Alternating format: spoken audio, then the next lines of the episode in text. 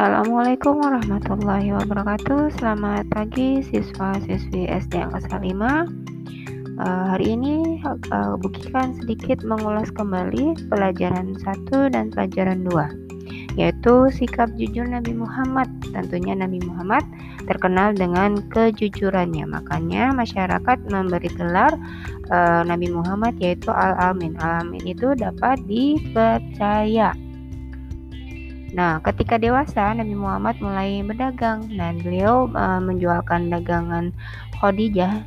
Uh, Nabi Muhammad berdagang dengan jujur. Nah, kejujuran diperhatikan oleh Nabi, uh, Khadijah.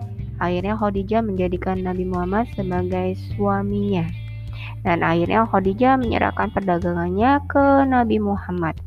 Nah, pada usia 40 tahun, Nabi Muhammad diangkat menjadi Rasul. Nah, Nabi Muhammad menerima wahyu pertama di Gua Hira pada tanggal uh, 17 Ramadan. Malam tersebut dikenal dengan malam nuzulul Quran, yakni turunnya wahyu Al-Quran.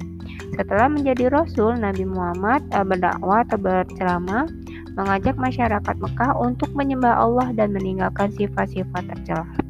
Nah, meskipun ditentang, Nabi Muhammad tidak putus asa beliau uh, apa namanya terus berdakwah hingga uh, hingga akhir hayatnya. Nah, kejujuran Nabi Muhammad membuat masyarakat percaya dan mengikuti ajaran agama Islam. Maka, keuntungan bersikap jujur yaitu hidupnya menjadi mujur. Nah, perihalalah perihala per, peliharalah sikap jujur di dalam dirimu. Biasakan sikap jujur dalam kehidupan sehari-hari baik di rumah maupun di sekolah. Lalu, jujur itu sendiri apa artinya? Yaitu lurus hati, tidak berbohong, berkata apa adanya, dan teguh pendirian. Jujur termasuk perilaku terpuji. Nah, mengapa kita harus bersikap jujur? Karena banyak manfaatnya. Satu, orang percaya. Dua, mendapatkan pahala dari Allah. Tiga, memberi kemanfaatan bagi sesama. 4. Dilindungi Allah dari segala kejahatan 5. Mendapatkan balasan dari surga Inilah kisah kejujuran yang dicontohkan oleh Nabi Muhammad Lalu uh, selanjutnya adalah uh, kita belajar mengenai surat Anas Tentunya kalian sudah bisa melafalkan surat Anas Ya kan Kul a'udzu birabbin nas malikin nas ilahin nas min syarril waswasil khannas alladzi yuwaswisu fi sudurin nas minal jinnati wan nas. Katakanlah aku berlindung kepada Tuhan manusia, Raja manusia, sesembah manusia dari kejahatan bisikan setan yang bersembunyi, yang membisikkan kejahatan ke dalam dada manusia dari golongan jin dan manusia. Ini surat Anas. Tentunya kalian nanti uh, dihafalkan satu persatu, oke? Okay?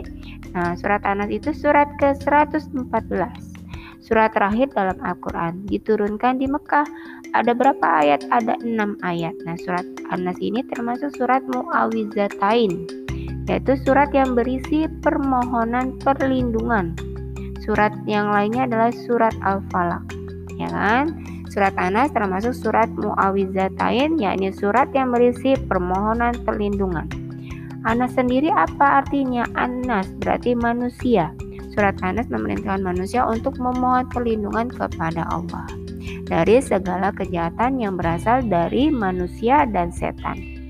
Allah tempat berlindung karena Allah Maha Pencipta, Allah Maha Penguasa di seluruh alam semesta ini. Nah, semua manusia harus beribadah kepadanya. Kejahatan itu berasal dari mana? Dari setan yang membisikkan ke dalam dada manusia. Agar selalu dari uh, agar terhindar dari godaan setan, tentunya Allah menyuruh kita untuk selalu berzikir kepada Allah, memperbanyak ibadah dan membaca Al-Qur'an. Ini pesan surat An-Nas. Nanti kalian perhatikan satu persatu ayat demi ayat. Nanti kalau misalnya ada yang uh, misalnya menyambungkan ayat kalian sudah mengerti oke okay? dan diperhatikan juga pada uh, huruf latinnya huruf bentuk bersambungnya huruf tunggalnya seperti apa ya oke okay? nah itu bagaimana uh, nyambungnya.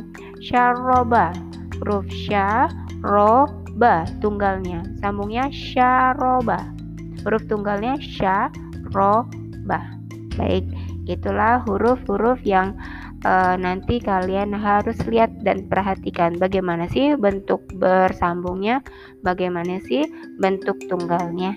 Ya jadi surat Anas itu surat yang terakhir dalam Al-Quran. Jumlahnya ada 6 turun di Mekah surat uh, termasuk surat Muawizatain ya kan? Surat Anas itu memohon perlindungan kepada Allah dari godaan setan dan manusia yang mengajak berbuat kejahatan. Huruf-huruf hijayah uh, yang ada di dalam Al-Quran, huruf-huruf hijayah bersambung, ya kan? Ketika disambung, huruf hijayah mengalami perubahan bentuk. Makanya bukan buka Bu Kiki katakan tadi, bentuk bersambung. Bentuk bersambungnya syaroba. Bentuk tunggalnya syaroba. Nah, nanti kalian uh, kalau misalnya ada soal seperti itu bisa menjawabnya ya.